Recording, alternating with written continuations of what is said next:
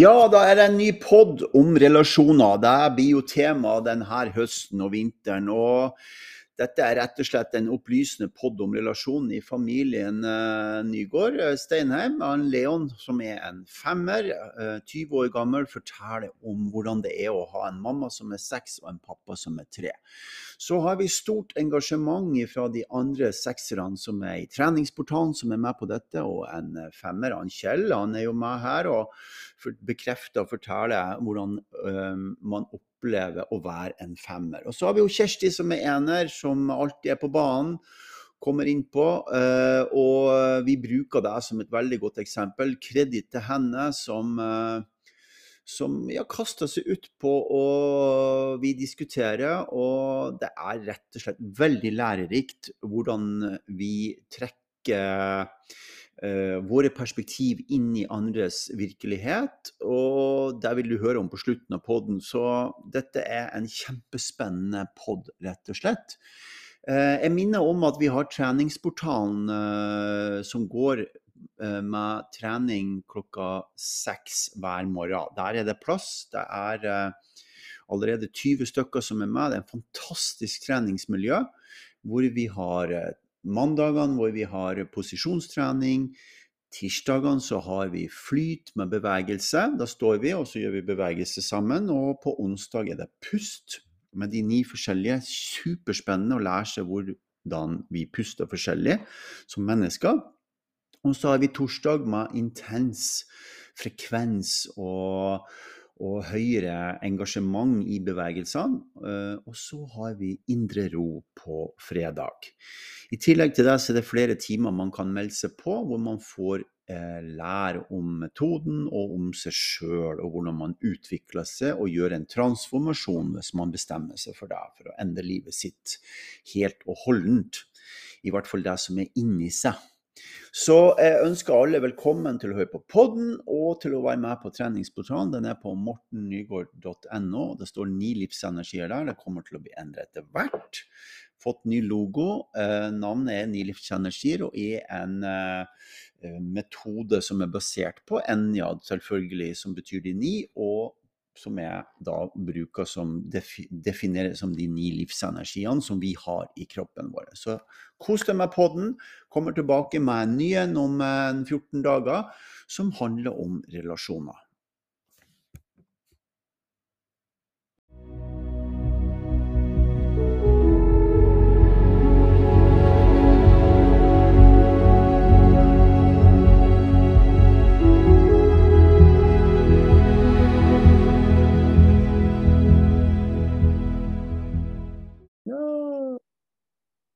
Recording. OK.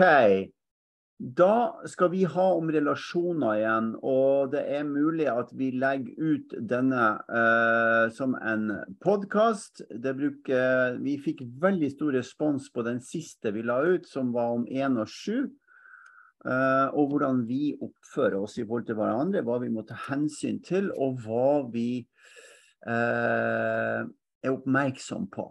Det vi skal gjøre i dag, er noe spesielt, syns jeg i hvert fall. For jeg har med meg Leon, og han Leon er sønnen min. Han er altså 20 år gammel og sitter nå i Bergen fordi han går på skolen der. Men så har vi altså med henne Guide og hun sitter oppe til venstre her. I hvert fall sånn som jeg ser det på skjermen. Og hun, Guide er livsenergi 6. Og vi er foreldrene til Leon.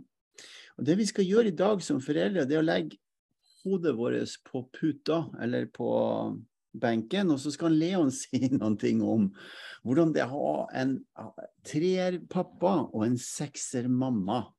Og så skal vi si noen ting om hvordan det er å ha en pappa, nei, en pappa si, en sønn som er en femmer. Så det har vi tenkt å gjøre. Og Gyda, hvem har du med deg der ved siden av deg? Remia. Bra. OK. Bra. Skal vi begynne, da? Vi, jeg tenker vi begynner med deg, Geir. Du har tenkt å være med i et kvarter eller noe sånt? er det det? Ja, sånn cirka. Kvarter 20 minutter. Kvarter 20 minutter. Hvis du beskriver først din livsenergi, som er sex, så vi får høre et lite inntrykk av hva det er for noen ting fra, din, fra ditt perspektiv. Så skal jeg og Leon si noe om det etterpå. uh, nei, ting går jo veldig fort, da. Ja. Det er vel Ja. kanskje det at du senser mye. Altså, du, det går veldig fort, da. Du har alltid en sånn A, B, C, D, E, F, G-plan. At du har en plan hele tida. Ja. Du er alltid, for, du er alltid, for, du er alltid foran med alt, liksom. Ja. Hva, skjer- hva skjer med det hvis du ikke er det, da? Nei, eh, jeg pleier alltid å ha det, så det er litt vanskelig å si. Det er vanskelig å si hvordan du ikke har kontroll. Men det forstår jeg, for dette tilhører. Ja, og Turid er jo her, hun er jo en sekser, og hun Gyda er her, hun er også en sekser. Og de kjenner seg sikkert, helt sikkert igjen. Men hva er, hva er en, tror du, fra ditt perspektiv, er en fellesnevner for livsenergi-sex? Nei, det er vel kanskje Eller jeg vet jo, jeg kan bare snakke ut fra meg sjøl, men det er vel kanskje det at man øh, senser mye, kanskje. Får inn litt mye vibrasjoner, da, hvis jeg skal si det sånn. Ja. Hva skjer eh, Her kommer en til sekser i dag. Nå, det er altså én, to, tre, fire. Guide Louise som kommer nå, også en sekser. Skal vi se, jeg skal bare ta henne inn. Dette. Hei, Guide Louise. Skal vi se. Er du der? Guide Louise, hører du oss? Ja. Bra. Så det som er spennende nå, Guide Louise, det er at han Leon som sitter her med øreklokkene, han er en femmer, han er sønnen min. Og så mm. Guide som sitter her nå og skal snart si noe mer, hun er en sekser, samme som du. Og nå har vi altså fire. Vi har Gyda, vi har Turid, vi har Guide Louise, og så har vi Guide. De fleste seksere heter Guide. For nå. Så hun Guide, som er min eh, eks og mammaen til han Leon, hun forteller litt om hvordan det er å være en sekser. For Fortsett du, Guide. Det, ja, hvor var jeg? Uh, Det jeg lurer på, det er hva som skjer når du mister kontrollen. Det er det jeg lurer på. nei, det er ikke så greit. Fordi hvis jeg mister kontrollen, så kan det ofte bli litt sånn kaostanker, kanskje. Kaotisk. Får Mm. du, får du sove, da? Ja, jeg får alltid sove. Du får alltid Eh, Jeg har ingen problemer med å sove, men hodet går jo veldig, da. Så du Ja. kan få en sånn katastrofe. Ikke, ikke noe sånn ille, men jeg kan tenke ok, hvis det ikke, så skjer det og det og det. Ja. Derfor har jeg alltid flere planer, da. Ja, Det er derfor du alltid har planer. Men Mm. Og da snur vi dette over til Leon, fordi at jeg har jo invitert begge dere to i dag hit til å være med, sånn at vi skal avdekke i mye større grad hva som skjer internt i en familie hvor det er en sønn som er en femmer, i dette tilfellet, da. En mamma som er en sekser, og en pappa som er en treer. Og Hvis vi hører på Leon først nå dette, Vi har ikke forberedt noen ting. Jeg bare ringte opp han Leon og sa i stad er du klar, og han var klar. Ok, Leon, hvis du beskriver mam, Beskriv forskjellen på oss, da, du. Eh, Først og fremst hei. Hei. Um, ja, altså det Nå skal jeg ikke snakke sånn spesifikt om typene, men jeg kan jo utdype det litt mer sånn jeg oppfatter det subjektivt. Ja. Og det går mye på spesielt mye på det mamma sa, det med kontroll for det meste. Hun er veldig sånn, spør veldig ofte hvordan jeg har det, hvordan det går. Engasjerer seg veldig mye. Mens pappa er kanskje litt mer sånn laid back, kan man si. Ja. Kan, eh, for å si det sånn, han kan liksom gå flere dager uten at vi har hatt kontakt, og det er liksom Han blir ikke stressa eller Det er som om ingenting har skjedd. Mens mamma derimot kan jo nesten få panikk hvis hun ikke får eh, kontroll i meg, eller får null lyd fra meg i løpet av fem-seks timer. Eh, Så det går jo Det er nok den største forskjellen jeg vil betrakte med, mellom dem. ja. Um, ja. Fortsett, du. Eh, hva sa du? Bare fortsett, du. Eh, Ok, og så ble det jo um, nevnt litt eh, med, Mamma nevnte det litt med tempo. Det er også en litt forskjell. Jeg er også en som er veldig rolig, litt mer i likhet med pappa, selv om han kanskje ikke er den roligste typen. Mer på det nivået, så det blir jo ofte litt sånn tempoforskjell, kan man si, under middagsbordet. Sånn generelle sosiale sammenkomster. Mens mamma så kan vi ta Vi kan snakke om veldig forskjellig på veldig kort tid, mens med pappa går det fort. kanskje ett tema under hele middagen. Veldig rolig. Trenger ikke å utveksle så mye ord.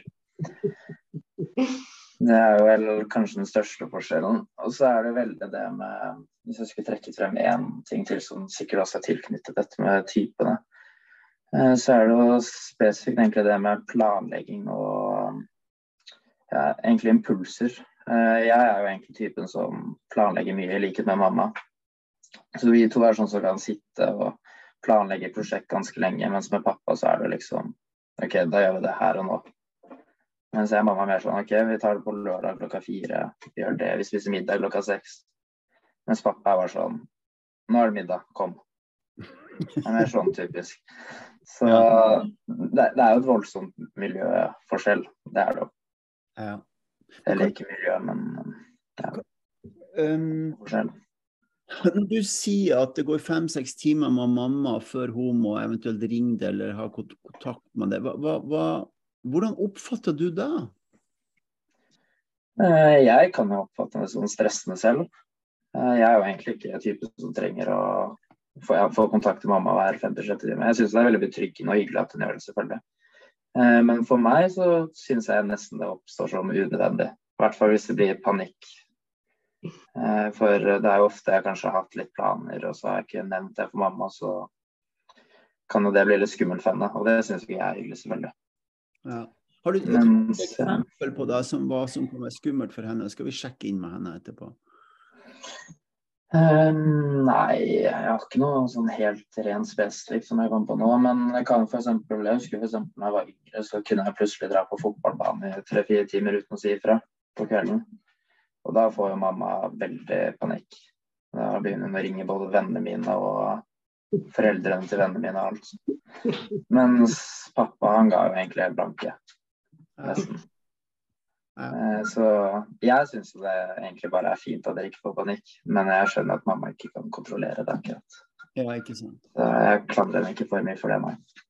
Nei, det, er, det, er, veldig spennende at det er så enormt stor forskjell på oss. Eh, hva hvis du, Leon uh, Skal vi se, jeg skal prøve å sammenligne deg med noen ting. Uh,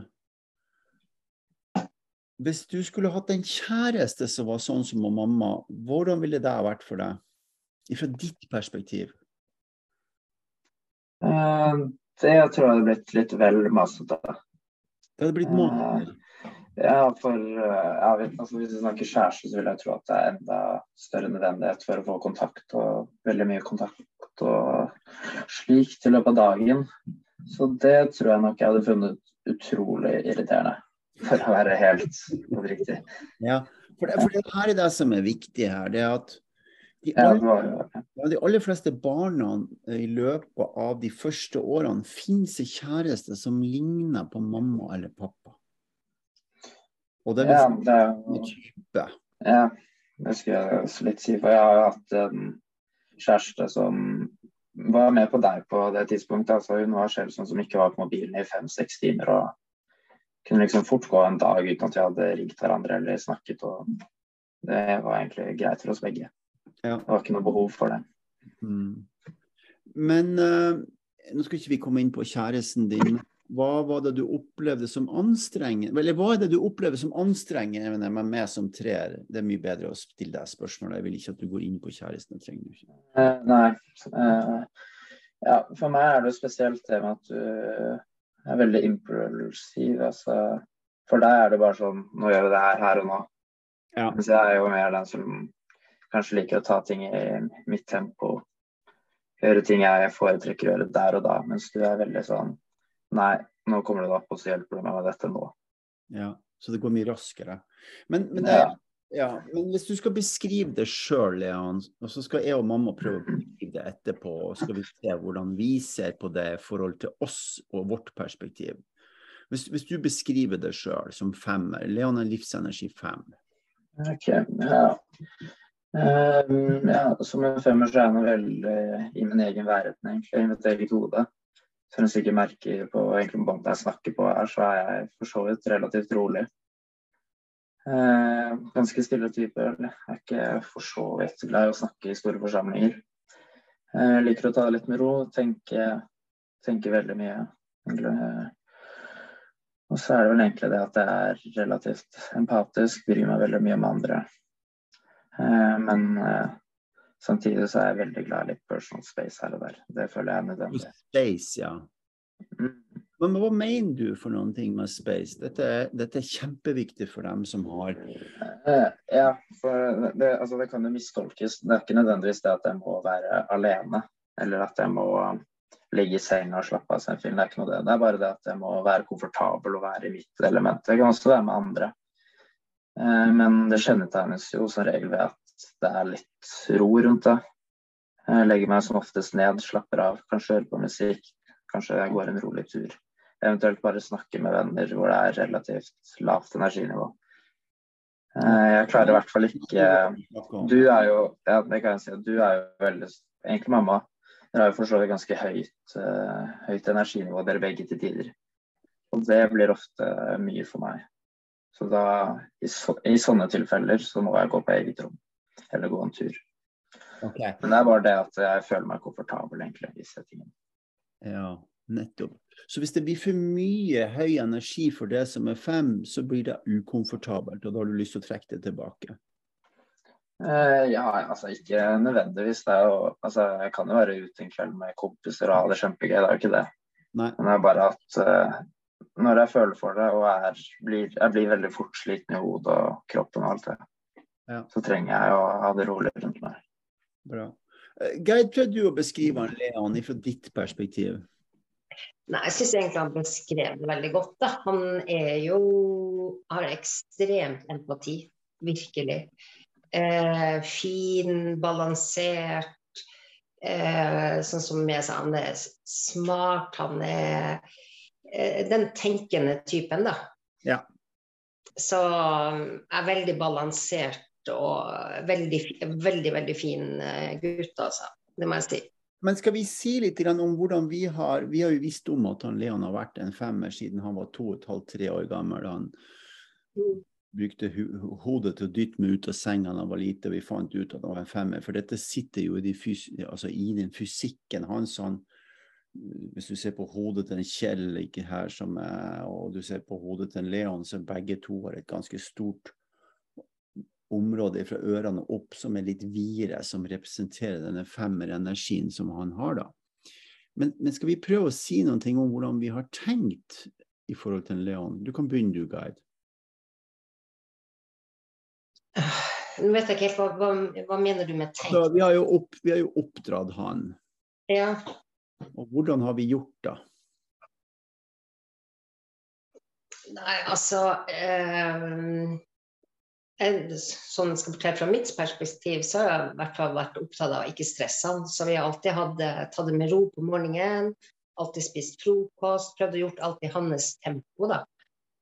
Så det har sånn vært hovedfokus, at han ikke At han skal få lov å gjøre ting i sitt tempo, da.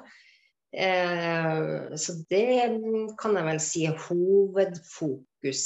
eh, Det er i hvert fall det jeg husker mye fra barndommen hans. At vi alltid tok god tid på morgenen. Altså det var aldri noe stress rundt den.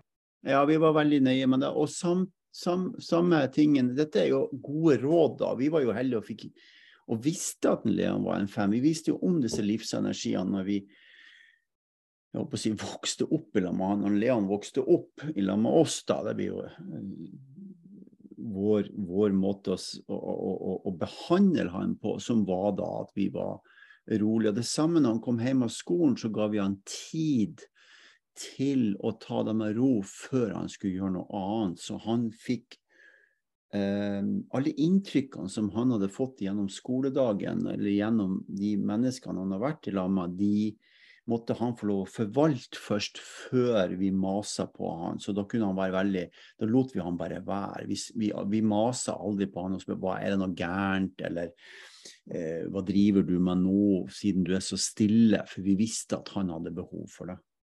Mm. Um, er det, um, hvis det er noen som har noen spørsmål nå, så må dere bare kaste dere på. Altså, det kan være i forhold til Livsenergi 3 som er med, eh, Livsenergi 6 som er guide, eller en Leon som femmer. Bare, bare kast dere på og spør om ting. Jeg har et spørsmål. Ja, Ja, jeg bare lurer på dem som har fem. Har de eh, utvida panneområdet, at det står litt ut sånn? Mm, det kan være både fem og sju som har det, men de fleste syverne har et litt mer prega panneområde. Men det kommer, på, det kommer litt an på eh, hvordan panneområdet er i forhold til hakepartiet. Hvis det er en syver, så er det haka, føles haka lenger inn. Mens en femmer kan være litt mer firkantet i hakepartiet enn en syver. Men det høres ut som, vi, det høres ut som er hodeenergi du snakker om. Um, han, han, eh, Leon minner meg veldig om sønnen min. Han minner om sønnen din, ja. Og, da, og, og ofte så har de et litt større, videre område og er rolig, sånn som han Leon. Og jeg vil si de er veldig flinke å forklare ting. Altså, det er veldig, det er veldig smart, det de sier. Det er liksom eh, Da hører ja, alle. Alle ja, hører det da. Ja, for de lærer fra de er ganske så små, og så stille spørsmål til ting og vente de får svar. Og så prosesserer de det, så det de kommer tilbake med da, makes sense. Det vil si at en femmer prater sjelden tull. Altså hvis det ikke, hvis det ikke bruker sarkasme som uh, altså Både han Kjell og han Leon er fæle på å bruke sarkasme som en slags uh, ja, De stiller seg litt over oss, eller har det litt morsomt på vår bekostning, da. Så bruker de sarkasme. Uh, det er både morsomt og hyggelig, og av og til så sier jeg til han Leon eller Kjell at hva, hva, er det der sarkasme, eller er det mener du da du sa nå? Da ofte så sier de kan si unnskyld, beklager, uh, jeg mente det ikke sånn. Fordi at de er så empatiske, så de er opptatt av å ikke såre noen. Men det er veldig fint at de bruker den humoren sin som er litt sarkastisk. Det er jo fint at vi er fargerike, da. Ja. Jeg har bare et spørsmål i forhold til det når du blir ringt og sånn, da, en del. Helt ærlig, du syns det er, det er litt hyggelig òg? Liksom du sier ikke det bare for å være snill, Leon? At det, det er greit at du blir ringt. Det er, ikke, det er ikke plagsomt. Det er veldig hyggelig òg? Jo, altså, det er jo selvfølgelig hyggelig. Altså, det er jo tanken som teller, da. Så jeg setter jo selvfølgelig veldig pris på det. Og det er jo, det er jo ikke bare uh, man må ringe meg, jeg ringer hun mye tilbake også. Det er jo bare det at uh, hvert fall jeg er sånn, Hvis jeg er veldig sliten, så kan det hende at jeg ikke er så interessert i å prate, og da kan det til tider være slitsomt, ja. Men uh, ellers er det bare kjempehyggelig. Absolutt. Det er bare mest det hvis praten går veldig lenge om sånne generelle ting vi egentlig vet begge to svarer på. Da kan jeg bli så irritert. Men ellers så Jeg setter jo veldig pris på det, selvfølgelig. Kult. Flere spørsmål, kom igjen, dette er hyggelig jeg kan jo si at jeg tenkte kanskje eksen min var femmer, men eh, empati er da veldig typisk femmer. Veldig. Ja, for jeg syns jo kanskje han er mer sånn uh, hode, fikse, finne opplysninger på nettet. Mer sånn jobbepraktisk. Mye jobbfokus og lite empati. Ja, det kan jo Det, det er sjelden, uh, Geir Louise, at uh, at du møter femmere som ikke har empati. Altså. Det er, der er, de er kjennetegnet på å være empatisk.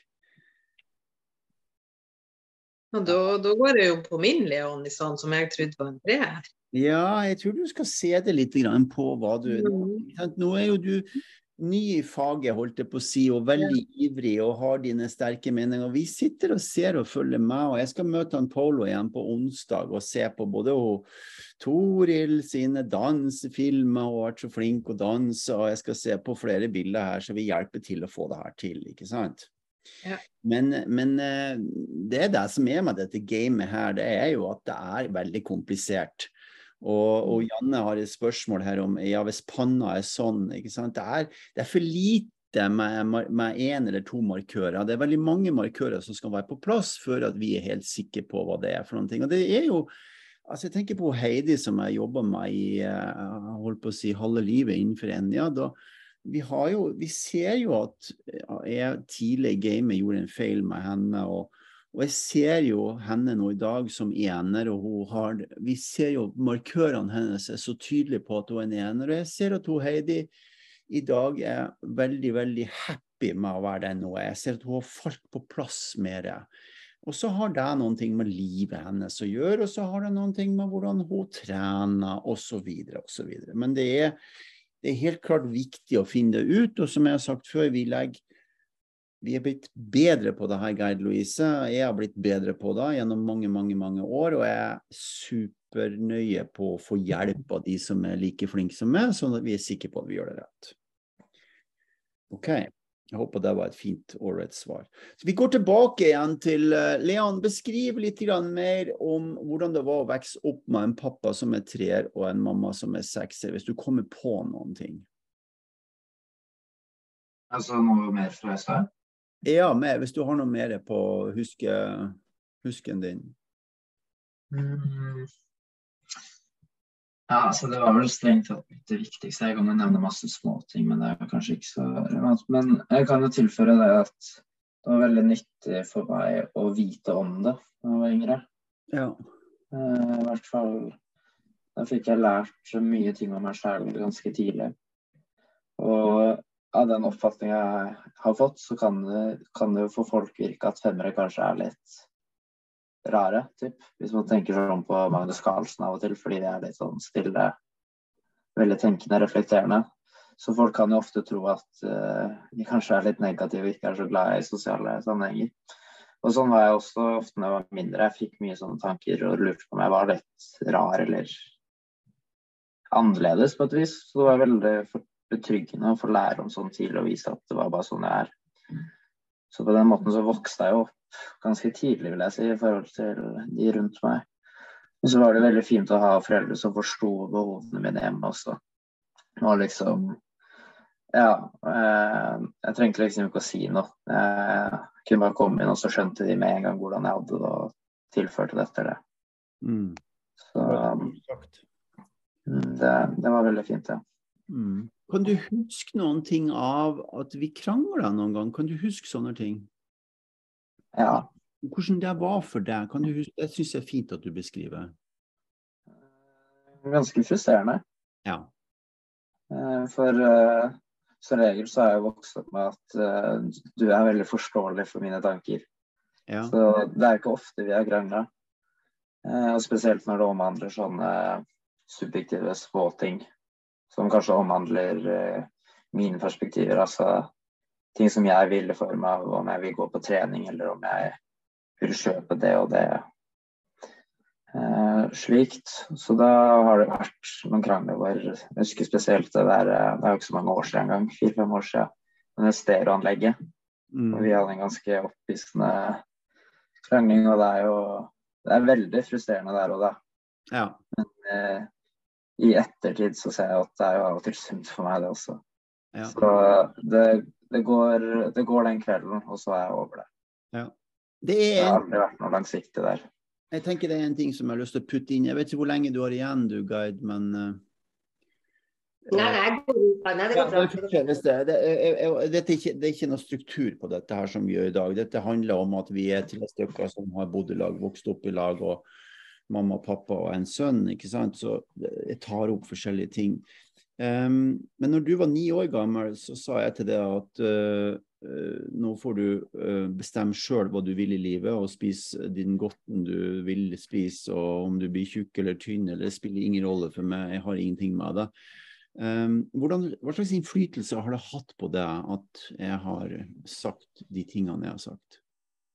akkurat det du sa der og da, er nok faktisk kanskje det jeg legger frem som den viktigste delen i oppdragelsen min. Kanskje egentlig det jeg har sett på forma meg mest.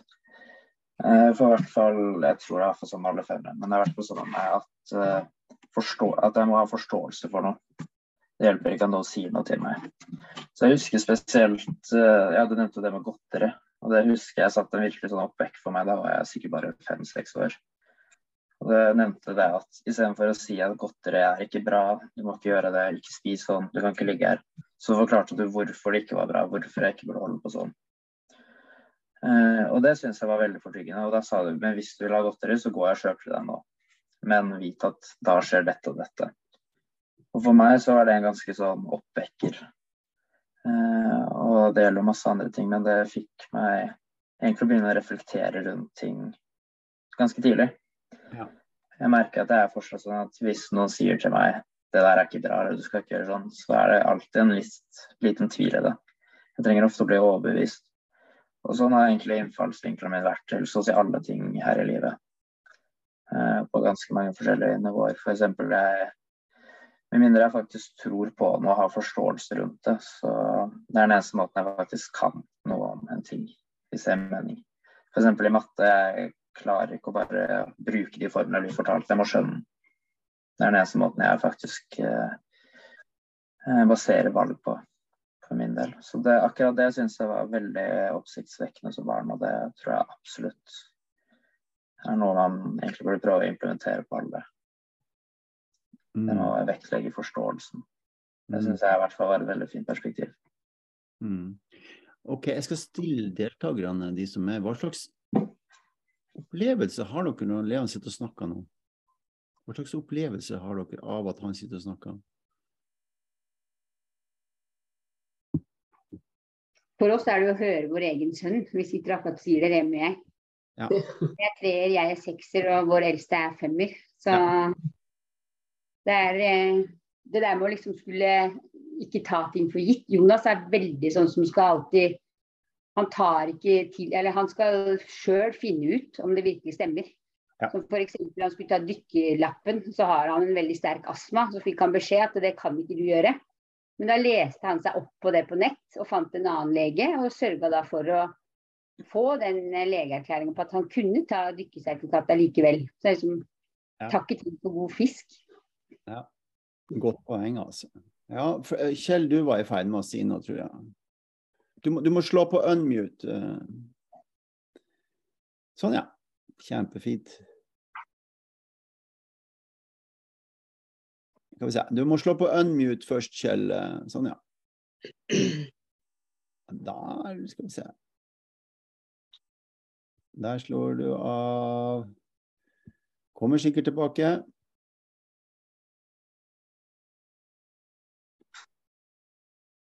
Fikk du til? Jeg, spør, jeg, skal prøve å hjelpe deg. Men, OK. nei, det er veldig gjenkjennbart behovet for å forstå. Det å bli fortalt, det er, det er vann på gåsa. Ja.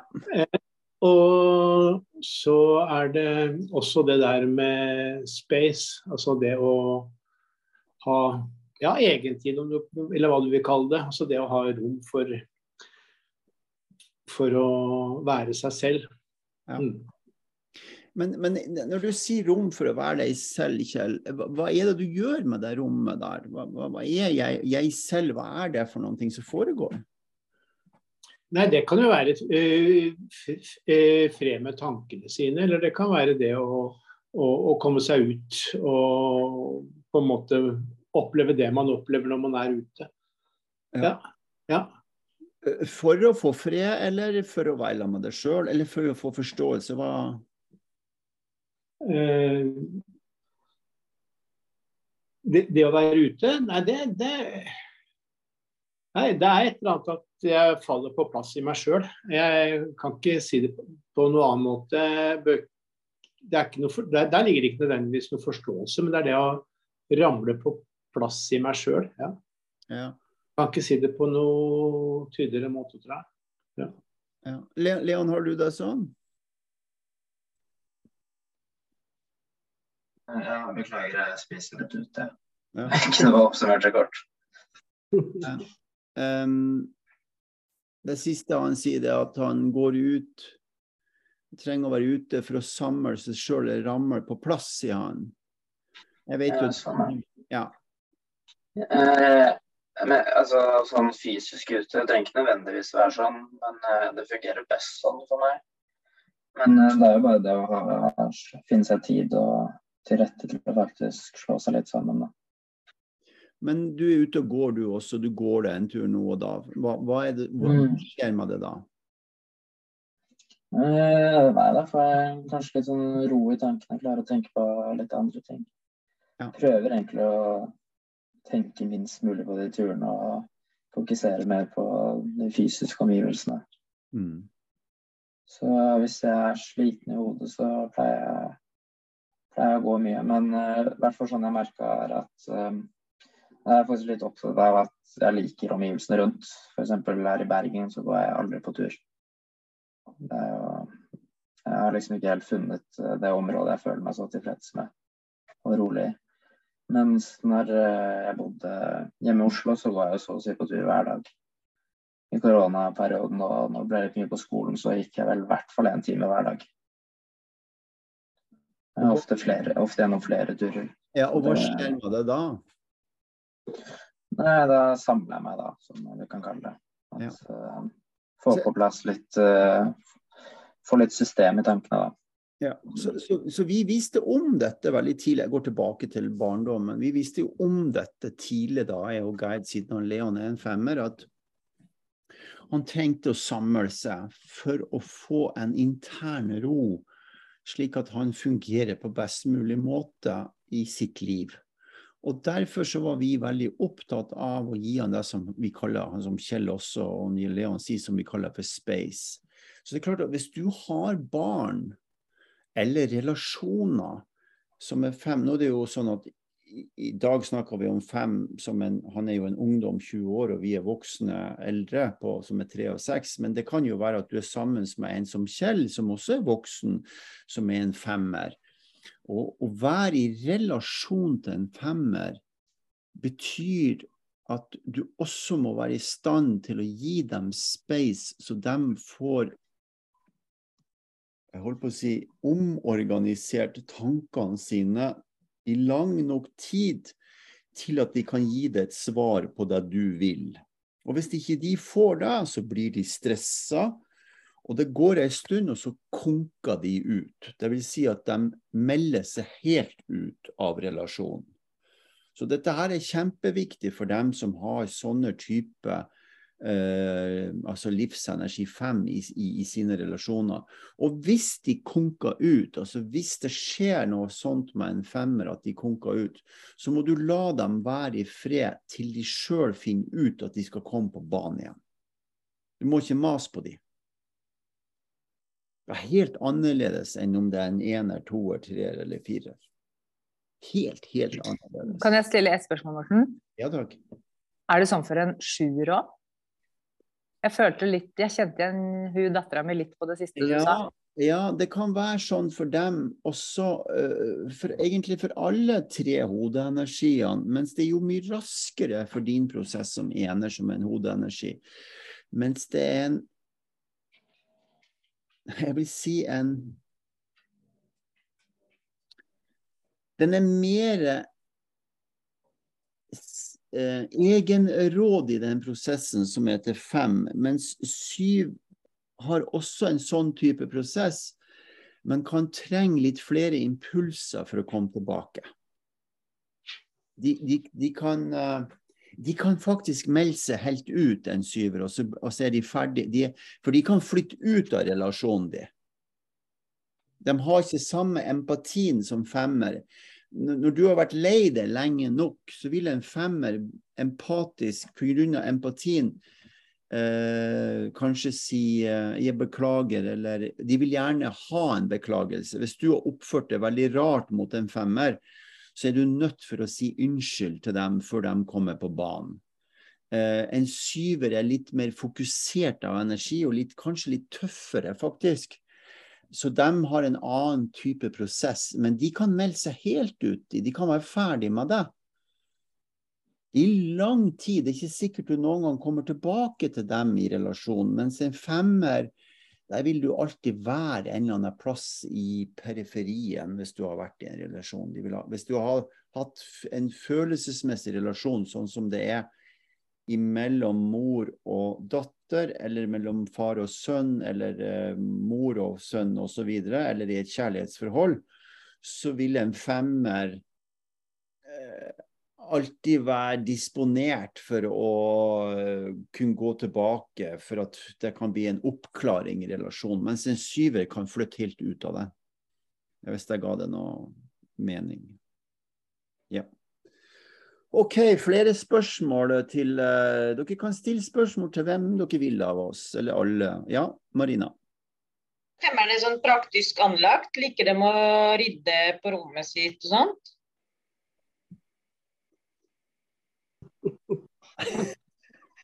Jeg svarer på det, eller? Ja, svar på det, du.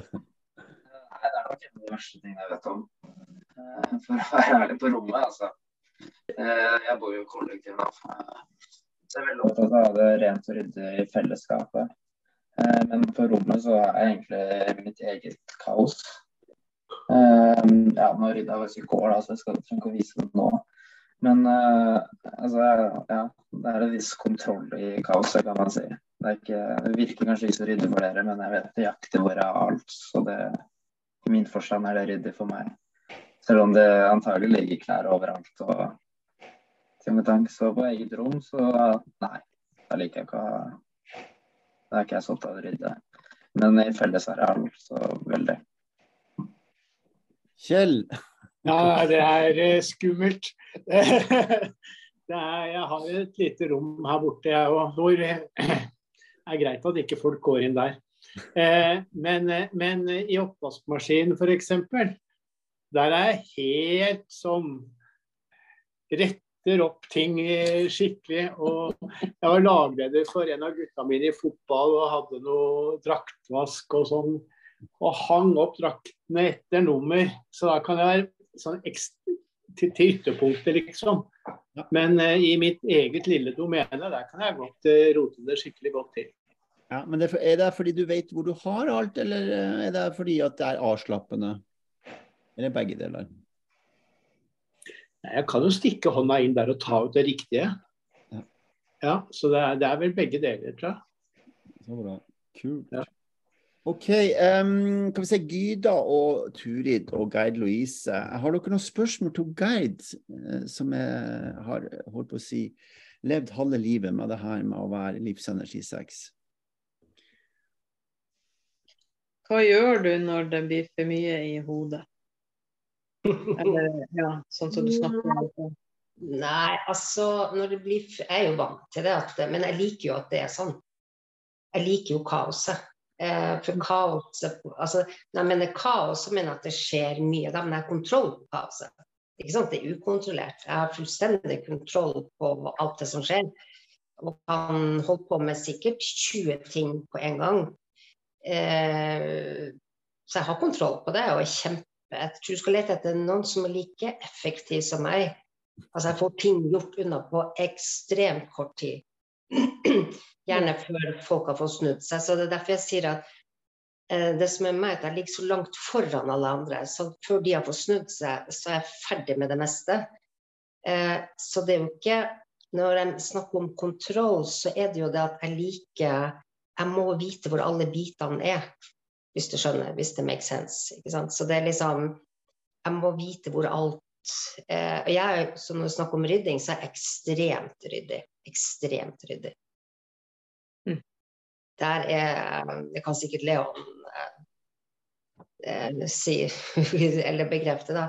Men der må alt være liksom veldig sånn på plass, da. Det liker jeg. Jeg liker ikke kaos rundt meg.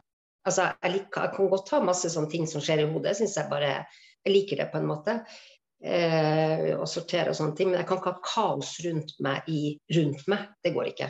I rommet eller eh, Ja, nei, det, det, det setter meg helt ut av det. Men jeg tenker litt på En ting er liksom det å være forut og alt det. Som det syns jeg er bra. Men hva tenker du når andre liksom ikke følger deg helt på det, da? Hva gjør, blir du altså, blir du irritert? Ja. Jeg blir litt irritert fordi eh, Det kommer litt an på hva det er, da. Men selvfølgelig, hvis det er jobbsammenheng, så kan jeg jo ikke si jeg er helt idiot, liksom. Eh, det går jo ikke an å si. Men, eh, men det jeg hører hele tida, det er at jeg er ekstremt effektiv. Altså eh, Ja. Altså, jeg får ting gjort, da, for å si det sånn. Fortere enn kanskje mange andre.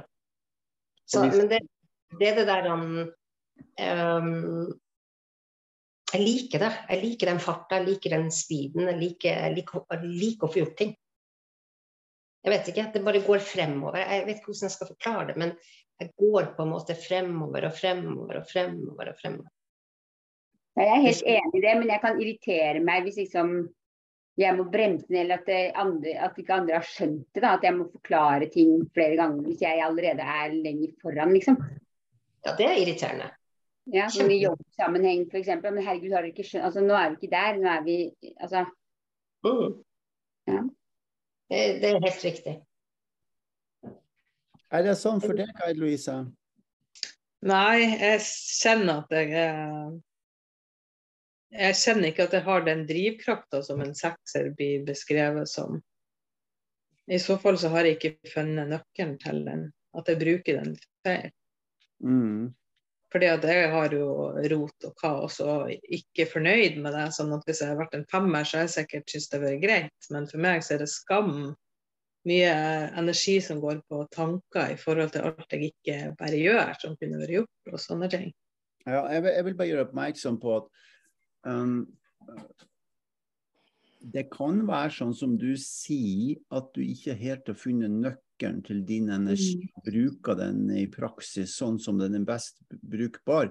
Men samtidig, ja. Louise, så er det viktig at både og Gyda og Guide, som jeg, jeg, kjenner jo begge to godt, og for så vidt og Turid også, men hvis jeg tar dem to, så er de i den andre enden av sekserstrekken, de, de, har et vanvittig behov for kontroll og drivkraft og fremdrift. og hun, hun uh, Gerd har klart å gjøre et management på seg sjøl så hun klarer å deale med det. Og Gyda hun jobber med det med å få til, for det kan være for mye også. Uh, det skal sies at siden jeg kjenner hun Guide godt, så vet jeg at hun har sånn nedetid. Hun er ekstremt god på å slappe av når hun slapper av. Så, så det er akkurat som hun slår på en bryter av og på. Jobb, jobb, jobb, jobb, jobb, slapp av. Jobb, jobb, jobb, jobb, jobb, slapp av. Jobb, jobb, jobb, jobb, jobb, slapp av. Så hun har klart å finne å slå på og av og på bryteren. Det kan du jo, det kan du jo prøve ut, Geir Louise.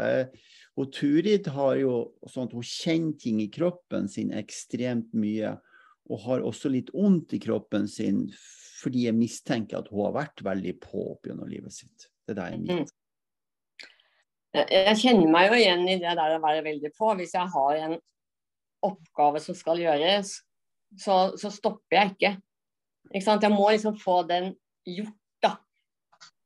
og da har ikke jeg så lett å finne den av-knappen hvis jeg er i en sånn prosess med et eller annet jeg holder på med. Ja. Også... Og jeg må egentlig vite når jeg setter i gang med noe, det handler litt med helsa å gjøre òg, men jeg må vite at jeg har tid til å fullføre det jeg begynner på. Eller så kan jeg nesten like gjerne la det være. Ja. På en måte. Mm. Så kjenner du det igjen i deg, Guide Louise?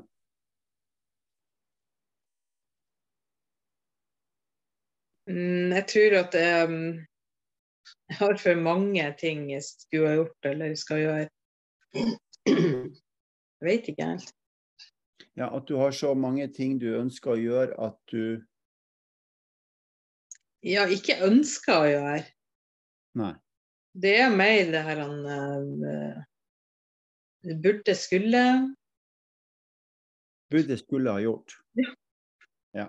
Men der tror jeg de kjenner igjen alle tre. altså Gyda også. Det er en del ting som burde, skulle vært gjort. Og, og så har jeg ikke lyst, så har jeg mer lyst til å dra og bade i havet og ja. gå tur og gå jeg, jeg, er ikke sånn Jeg somler, jeg gjør ting veldig sakte og bruker tid, og så koser meg, men så kommer det sånn skam over tidsbruken min etterpå. Så jeg, har, jeg er ikke sånn rask og effektiv.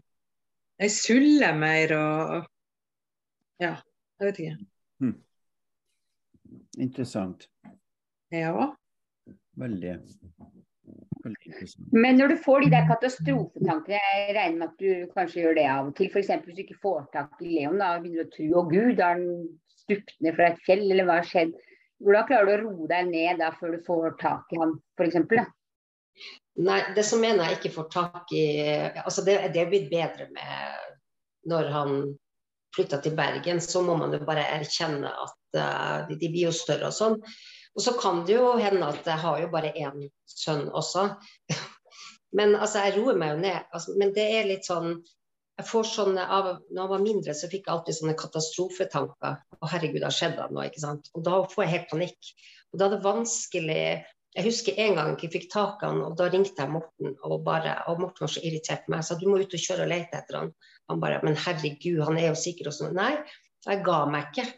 Fordi jeg ble så redd. Jeg husker ikke hvor gammel han var, åtte-ni år, Jeg fikk ikke tak i han.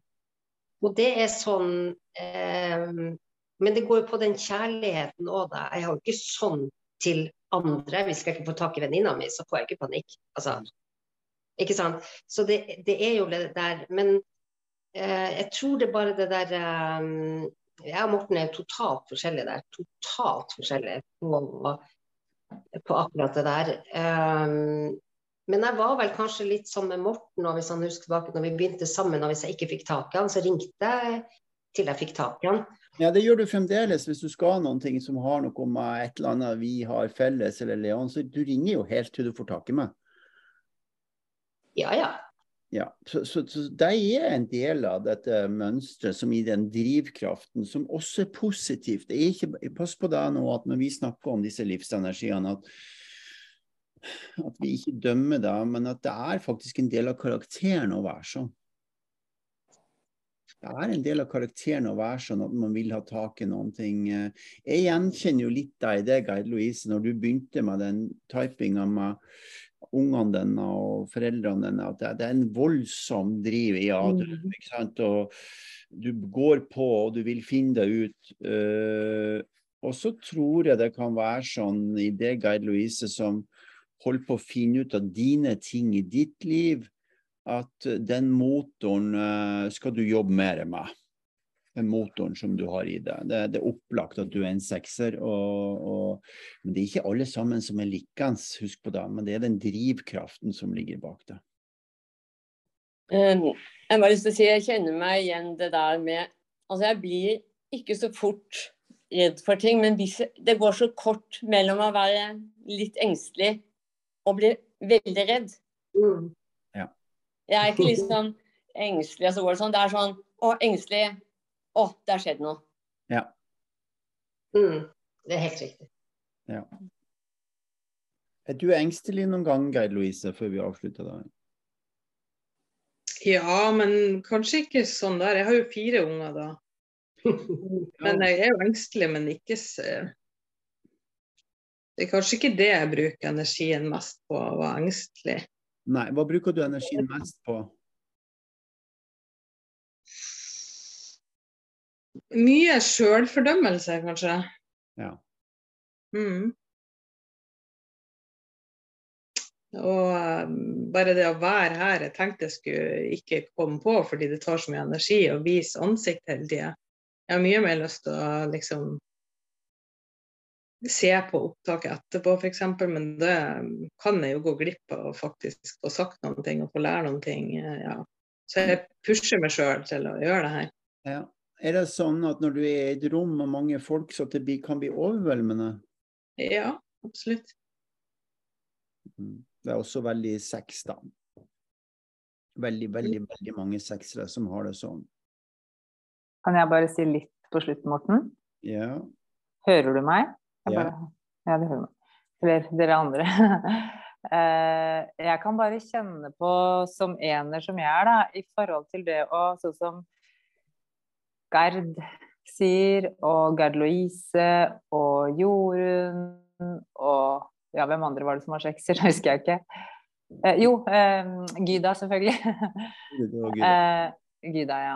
Eh, det har jeg sikkert sagt til deg før, Morten, men jeg, jeg kjenner det på det med Vet du hva, nå har jeg veldig lite strøm, så jeg må være litt rask. Skal vi se. Jeg kan prøve å Jeg, jeg har ikke så mye strøm igjen. Eh, jeg bare kjenner på en sånn Sånn som du har snakka om, Morten. Vi har jo altså Sånn som Gerd, da. Din eks, eksempelvis. Da, bare sånn eksempelvis. Eh, at hun forteller hvordan hun er, og så tenker jeg jeg er sånn. Og, altså, vi har ulik energi alle sammen. Men når, sånn som Gerd har jo jobba med det her i mange, mange år. Jeg er ganske ny. Og som jeg har sagt til deg før, så tenker jeg um, Det går jo an å justere på det, for jeg har jo Jeg, jeg kjenner i hvert fall sjøl at jeg er i ferd med å justere meg selv. Og jeg kan bli mer enn treer, jeg kan bli mer enn sekser, men jeg er jo en ener. Så, skjønner du hva jeg mener, Morten? Jeg må bare si det litt fort, for at jeg har litt lite strøm her. skjønner du? Eller? Nei, du skjønte ikke helt hva jeg mente. Nei. Skal... Nei. Prøv på nytt igjen. Du, du, du, du hører på hva de sier som seksere. Bare vent litt. Bare vent litt. Der. Meg nå? Ja. Jeg skal bare sette den på lading igjen. Jeg sånn Jeg kan må si noe før jeg fortsetter på jobb her. Oi, der skal vi se. Lurt. Eh, jeg bare tenker sånn læring for for, um, for meg selv og for alle som er her, da. I forhold til at vi har jo Har vi ikke det, Morten? Vi har jo det her i oss. Altså, vi har jo alt i oss. Og så er det noe med det der å bli bevisste, da. Er det ikke det? Jo, men, men, men, du må forklare hva du mener for noen ting. fordi at nå snakker du om noe helt annet enn det som foregår. Snakka jeg om noe annet? Ja, du om noe helt Det var ganske spennende. Ja. Oi, vent litt nå. Ja. Uh, OK, snakka om noe annet. Men nå har jeg strøm. Der. Ja. Nei, uh, det jeg mener da, det er Prøv å forklare hva du mener for noen ting først. Jeg mener at vi har Vi har alle alt i oss. Det er det jeg egentlig mener. Ja. Hvis vi, hvis vi blir bevisst på mer og mer bevisst, da. For jeg kjenner jeg, liksom, når du begynner å forstå deg selv bedre, da, så klarer du å å på en måte Ja, eksempelvis bli, altså tenke le altså, Da klarer du å bruke alle energiene på et annet sett, da. Ja, det, det, det, det er sant. Men jeg skal hjelpe deg på veien, Kjersti. For det der det som skjer ak- Vent litt nå. Ja. Det, det, dette her, For alle som kommer til å høre på det her på podkasten, det som skjer nå, er at vi sitter og hører på tre seksere i rommet som snakker om Nei, fire seksere som snakker om seg sjøl. Ja. Og så hører vi på Leon som snakker om å være fem. Og det du gjør, som de fleste gjør, er at de relaterer deg til seg selv. Og når vi relaterer deg til oss selv, så mister vi grepet på hva egentlig det er for ting som foregår.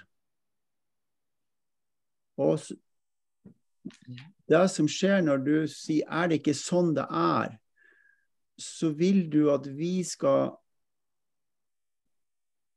være enige med det at er det ikke sånn det er. Men, men akkurat nå Nei, ikke eksempler. Nei. Vent litt. Ja.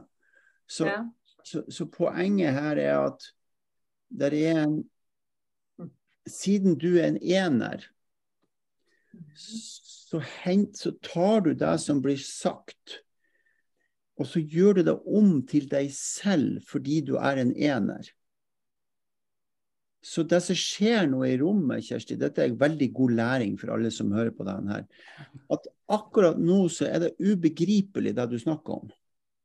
I forhold til det vi holder på med. Ok, Ganske spennende. Det er veldig spennende. Og nå skal vi ikke, det, Dette er bare sånn at det er læring for alle sammen fordi, fordi at vi snakker forskjellige språk. Ja, det er det jeg kjenner på, da. Ja. Fordi at vi snakker forskjellige språk. Det er komplisert for oss å, å, når vi begynner å relatere det til oss selv.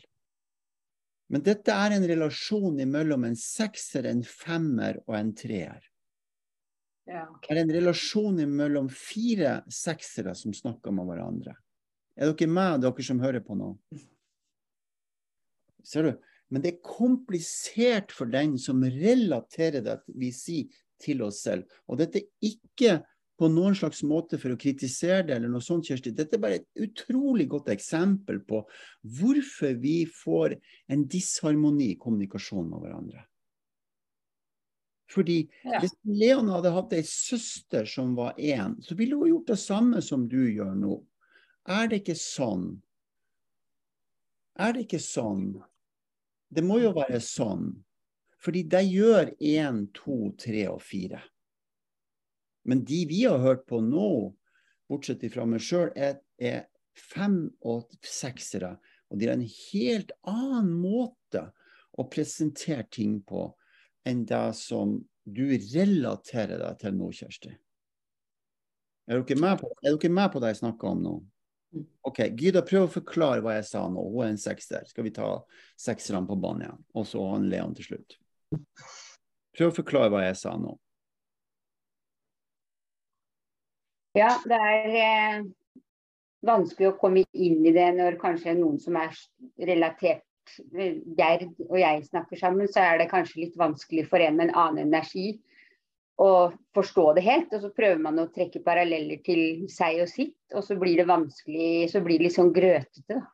Ja, og det er jo det som er fascinerende med det her når vi kommuniserer, at siden språket Kjersti til å guide og Gyda i dette eksempelet her, da, bare bruk det som et eksempel, eller Leon sitt eksempel, så trekker vi det ut og så prøver vi det å sammenligne med noen ting.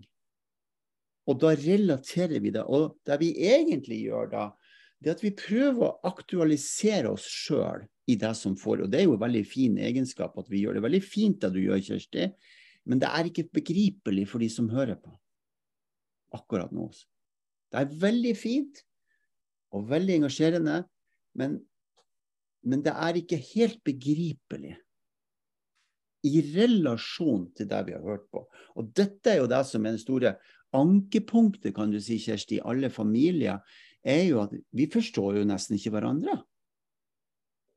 Fordi du har ditt perspektiv, og de har sitt perspektiv. OK, Leon, prøv å forklare hva jeg har forklart nå.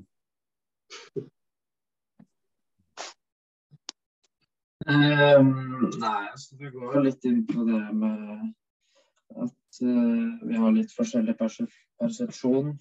Uh, det er ikke alltid det er så Eksempel, de er samme type, har kanskje et litt lettere forhold til å faktisk forstå hverandre, mens for de utenfra, eller ikke utenfra, men med et annet grunnlag, så kan det bli vanskeligere til tider. Det er f.eks. mange egenskaper ved deg og mamma jeg både beundrer og er mindre tilhenger av. Det er jo ofte det er jo ting jeg ikke forstår, f.eks. For den drivkraften til mamma. Eh, Den beundrer jeg jo altså, virkelig, og jeg skjønner jo ikke hvordan hun klarer det. Så det, eh, ja, så det går vel litt under det at vi kanskje Altså, vi er jo forskjellige, og vi har forskjellige behov og forskjellig utgangspunkt. Og at uh, vi dermed skal trekke like paralleller for alle, blir vel kanskje litt for optimistisk. Uh, så det er vel kanskje Det er i hvert fall sånn jeg tenker på livet, at eh, alle har forskjellige utgangspunkt i livet. Og det er masse ting ved folk jeg ikke skjønner, men sånn får det bare være. For det er garantert mange som ikke skjønner ting jeg syns er åpenbart også. Mm. Så hører dere hvor mye bedre forklaring han har på det her enn det jeg hadde? Så mitt poeng her er ikke å diskriminere noen. Mitt poeng er å forstå i mye større grad med det eksempelet jeg viste med Kjersti og meg, hvor lite forståelig det blir når vi kommer fra de perspektivene hvor vi, hvor vi ruller inn oss selv inn i materien når vi hører på andre. Med en, gang, med, en gang vi, med en gang vi begynner å relatere til alt det som de andre holder på med, til oss selv, så begynner vi å mikse det med vår egen ting, og det blir komplisert å forstå.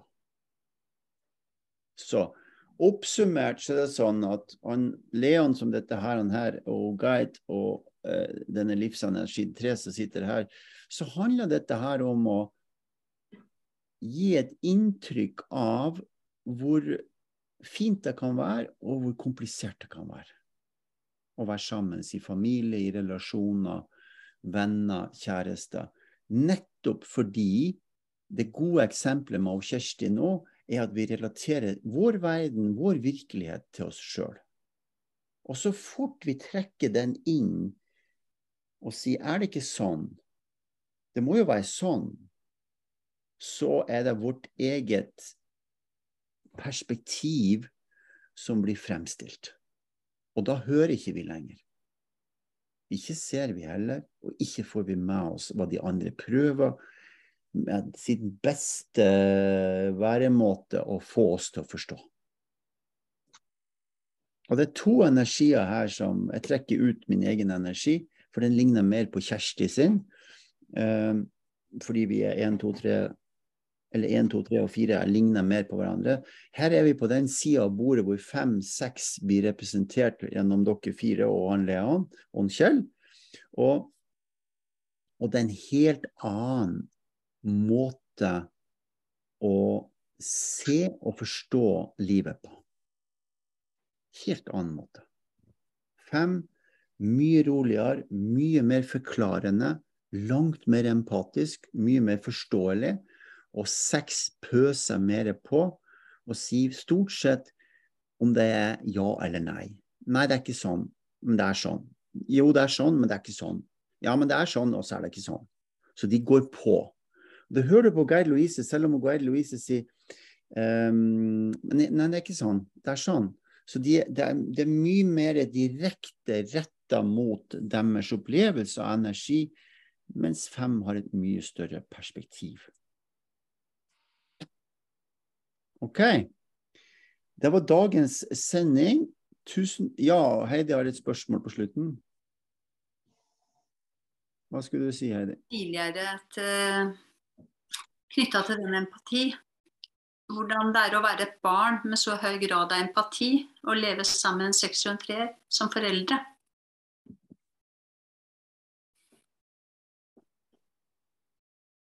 Det å skulle forstå foreldrene. Det høres veldig deilig ut å ha et sånt barn. ja, vet du hva, jeg, jeg, jeg, kan, jeg kan si noen ting om det, hvis ikke du Leon har lyst til å begynne. Har du det? Si noen ting om det. Bare si noe først. Ja, OK. Um, det er faktisk veldig enkelt, Heidi. Hva sa du? Det er faktisk veldig enkelt å ha et sånt barn. Mm. Faktisk så er det det, altså. Og så var det hvor enkelt det er å være dette barnet. Ja, det, det, det... Ja, det, er kanskje, det er kanskje litt verre til tider um, nei, altså, nå har jeg jo folk som har forstått behovene så det har jo vært rimelig greit, antar jeg. Um, men uh, jeg merker jo at um, hvis det f.eks. ble litt dårlig stemning hjemme, eller ikke krangel, da, men diskutering, som dere pleide å kalle det før, så kunne det treffe litt hardt inn på meg. For det er, da fikk jeg litt sånn vondt på, på deres bekostning. Mm. Eh, så akkurat det kunne jo eh, være fint. Og det var jo ja, Grunnen til at du sier det var enkelt, var vel kanskje mest fordi at jeg tenkte mye på deres behov også. Kanskje det, det var sikkert litt uvanlig for barn, men eh, jeg rydda aldri opp for min egen del. Det var pga. dere. og jeg prøvde alltid å være snill og grei, ikke fordi jeg ville det, men fordi jeg syntes dere fortjente det. Mm. Eh, men eh, ja, det blir, det blir, jo kanskje litt Jeg tror ikke helt jeg skal så snakke om det, jeg som er oppvokst med foreldre som skjønner de prinsippene her. Eh, men det, det, det gått greit for min del. Nå kan jeg ikke snakke for alle femmere. Men og så har jeg ikke søsken heller. Det hadde sikkert vært veldig annerledes. Mm. Men for min del så har det vært veldig, veldig enkel og grei oppvekst. Altså. Mm, men det er bra å høre det du sier, at du har to foreldre som da har vært mer bevisst på det. Jeg tenker ja, det... det er vanskeligere hvis ikke den er det, faktisk. Ja, nei, altså Det har aldri vært noe emosjonelle problemer. Altså, det har det ikke. Mm. Og hvis det skal oppstå, så ser jo de på De så det på meg med en gang. Mm. Da tok vi det alltid med en gang. Så eh, nei, det har faktisk aldri vært et problem, egentlig. selv når jeg var veldig liten. Ja, det jeg husker. Mm. Takk skal du ha. Super. Jeg kan bare bekrefte da, at uh, femmer er vanvittig enkle og utrolig hyggelige. Altså, vi, vi fikk det først. Vi burde kanskje fått en toer og nier først. Og vi har tre. Ikke begynt med femmeren? Skulle begynt med toeren. Ja, det er enormt stor forskjell. Altså, det, er en spennende, det er spennende sammensetning i familien Galtung. Veldig spennende. OK, vi skal avslutte der. Vi har gått eh, ti minutter over tida. Tusen millioner takk. Eh, Shirin, hvis du har lyst til å komme på trening i morgen, så gjør det. Og så får du se hva vi holder på med for noen ting i forhold til før. Og så sier jeg tusen takk til Geid, og så sier jeg tusen takk til Leon. Og til alle sammen som stiller spørsmål. Og så eh, ses vi i morgen tidlig på treningsportalen klokka seks. OK. Ha det. Ha det.